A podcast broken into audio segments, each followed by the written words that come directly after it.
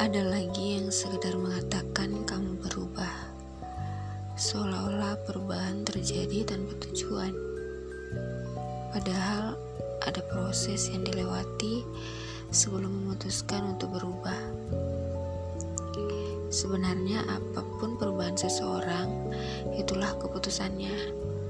Tugas kita adalah menghargai. Selesai.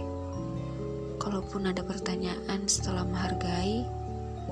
renungkan dan sampaikan pakai hati. Terima kasih.